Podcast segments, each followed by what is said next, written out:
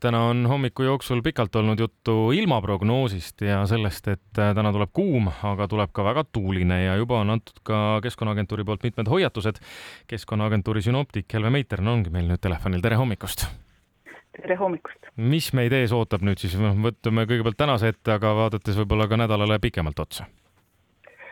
Kõike, no täna on selline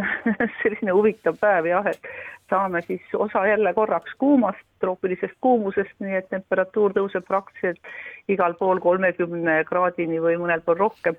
vaid rannikul natuke jahedam ja aga kuuma ei anta kauaks, selle järel juba õhtul jõuab äike, tugev vihm, tuulepöörised, võib-olla tornaadosid, ühesõnaga see kuumus lükatakse suure hooga minema ja see liigubki meist täitsa kuskile eemale, nii et meil edasine nädal on juba selline maheda kahekümne kraadiga või? Äh, jah, tähendab nüüd nii, aga kõigepealt siis tänaseks, et kuskil kella viie paiku umbes, võib-olla natuke varem on siis kõige esimene äikeste vöönd jõuab Saaremaale ja Pärnu kanti ja seal on siis, tuleb siis selleks ajaks siis valmis olla tugevateks tuulepuhanguteks, võib-olla üle kahekümne viie meetri. rahet võib seal tulla väga tugev sadu ja ka ja, ja vihm. nüüd äh, järgmine ja sedasi siis liigub see loode poole, jääb natuke nõrgemaks ja õhtul kuskil kella üheksa ajal jõuab juba päris frondi oma ja siis on nagu tugevamad sajud ja äike Lõuna-Eestis. Ja see ja alles siis hommikuks jõuab siis Põhja-Eestisse Tallinnast ja siis on nad tõenäoliselt juba nõrgemad, aga noh, iial ei, ei või täpselt teada. Mm. Pärast seda jääb, tuleb meil jah, selline tavaline Eesti ilm, sellepärast et põhjuseks, kes selle tõi, on üks madal rõhuala, mis liigub praegu skan-, Läänemere lõunaosast Skandinaavia lõunaossa, aga see reserv jääb siis ka homseks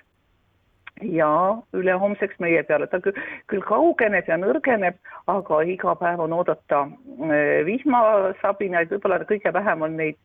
äh, neljapäevaseni öösel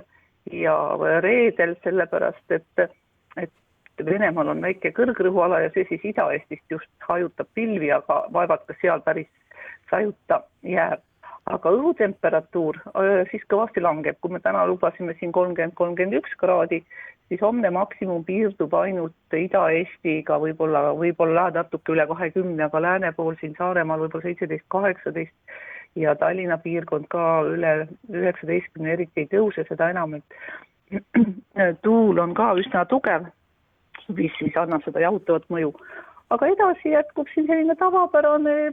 Eesti Läänemere äärne ilm, et äh, päevasooja tuleb äh,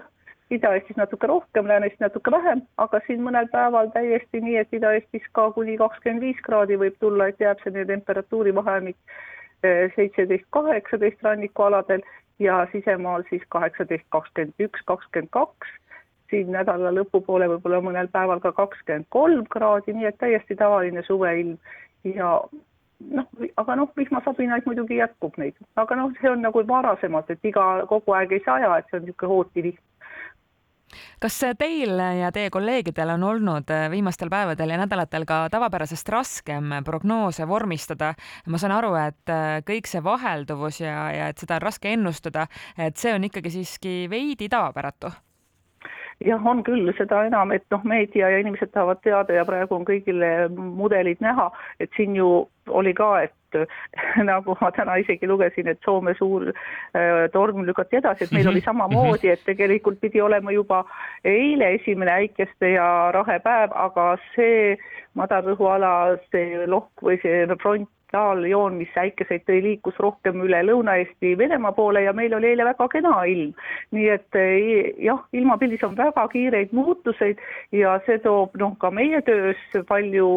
eh, tööd juurde, kõigepealt need hoiatused, kuidas, millal, kuhu lähevad ja lisaks siis veel me anname ka seletusi kogu aeg, kuhu läheb, nii et on tõesti, on tõesti jah, niisugune välja, väljakutseid on. Teil kulub seal palju kohvipaksu, mille pealt ennustada? Teate, ei ole isegi aega kohvi teha praegu niimoodi, et seda paksu vaadata võtame masinast ruttu-ruttu.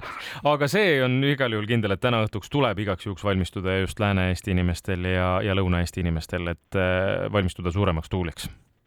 ja tuulevaks tormiks, pööristeks, äikesteks, tugevaks ajuks, siin võib ka täiesti noh, tuleb lühikese ajaga väga suur ports äh, vihma alla, nii et võib olla seal Eestis näiteks kolmkümmend kuni viiskümmend millimeetrit selle öö jooksul, et noh, see on ikka väga palju, aga noh, mitte igal pool ja, ja hommikupoole ööd jõuab siis kogu see asi ka Põhja-Eestisse.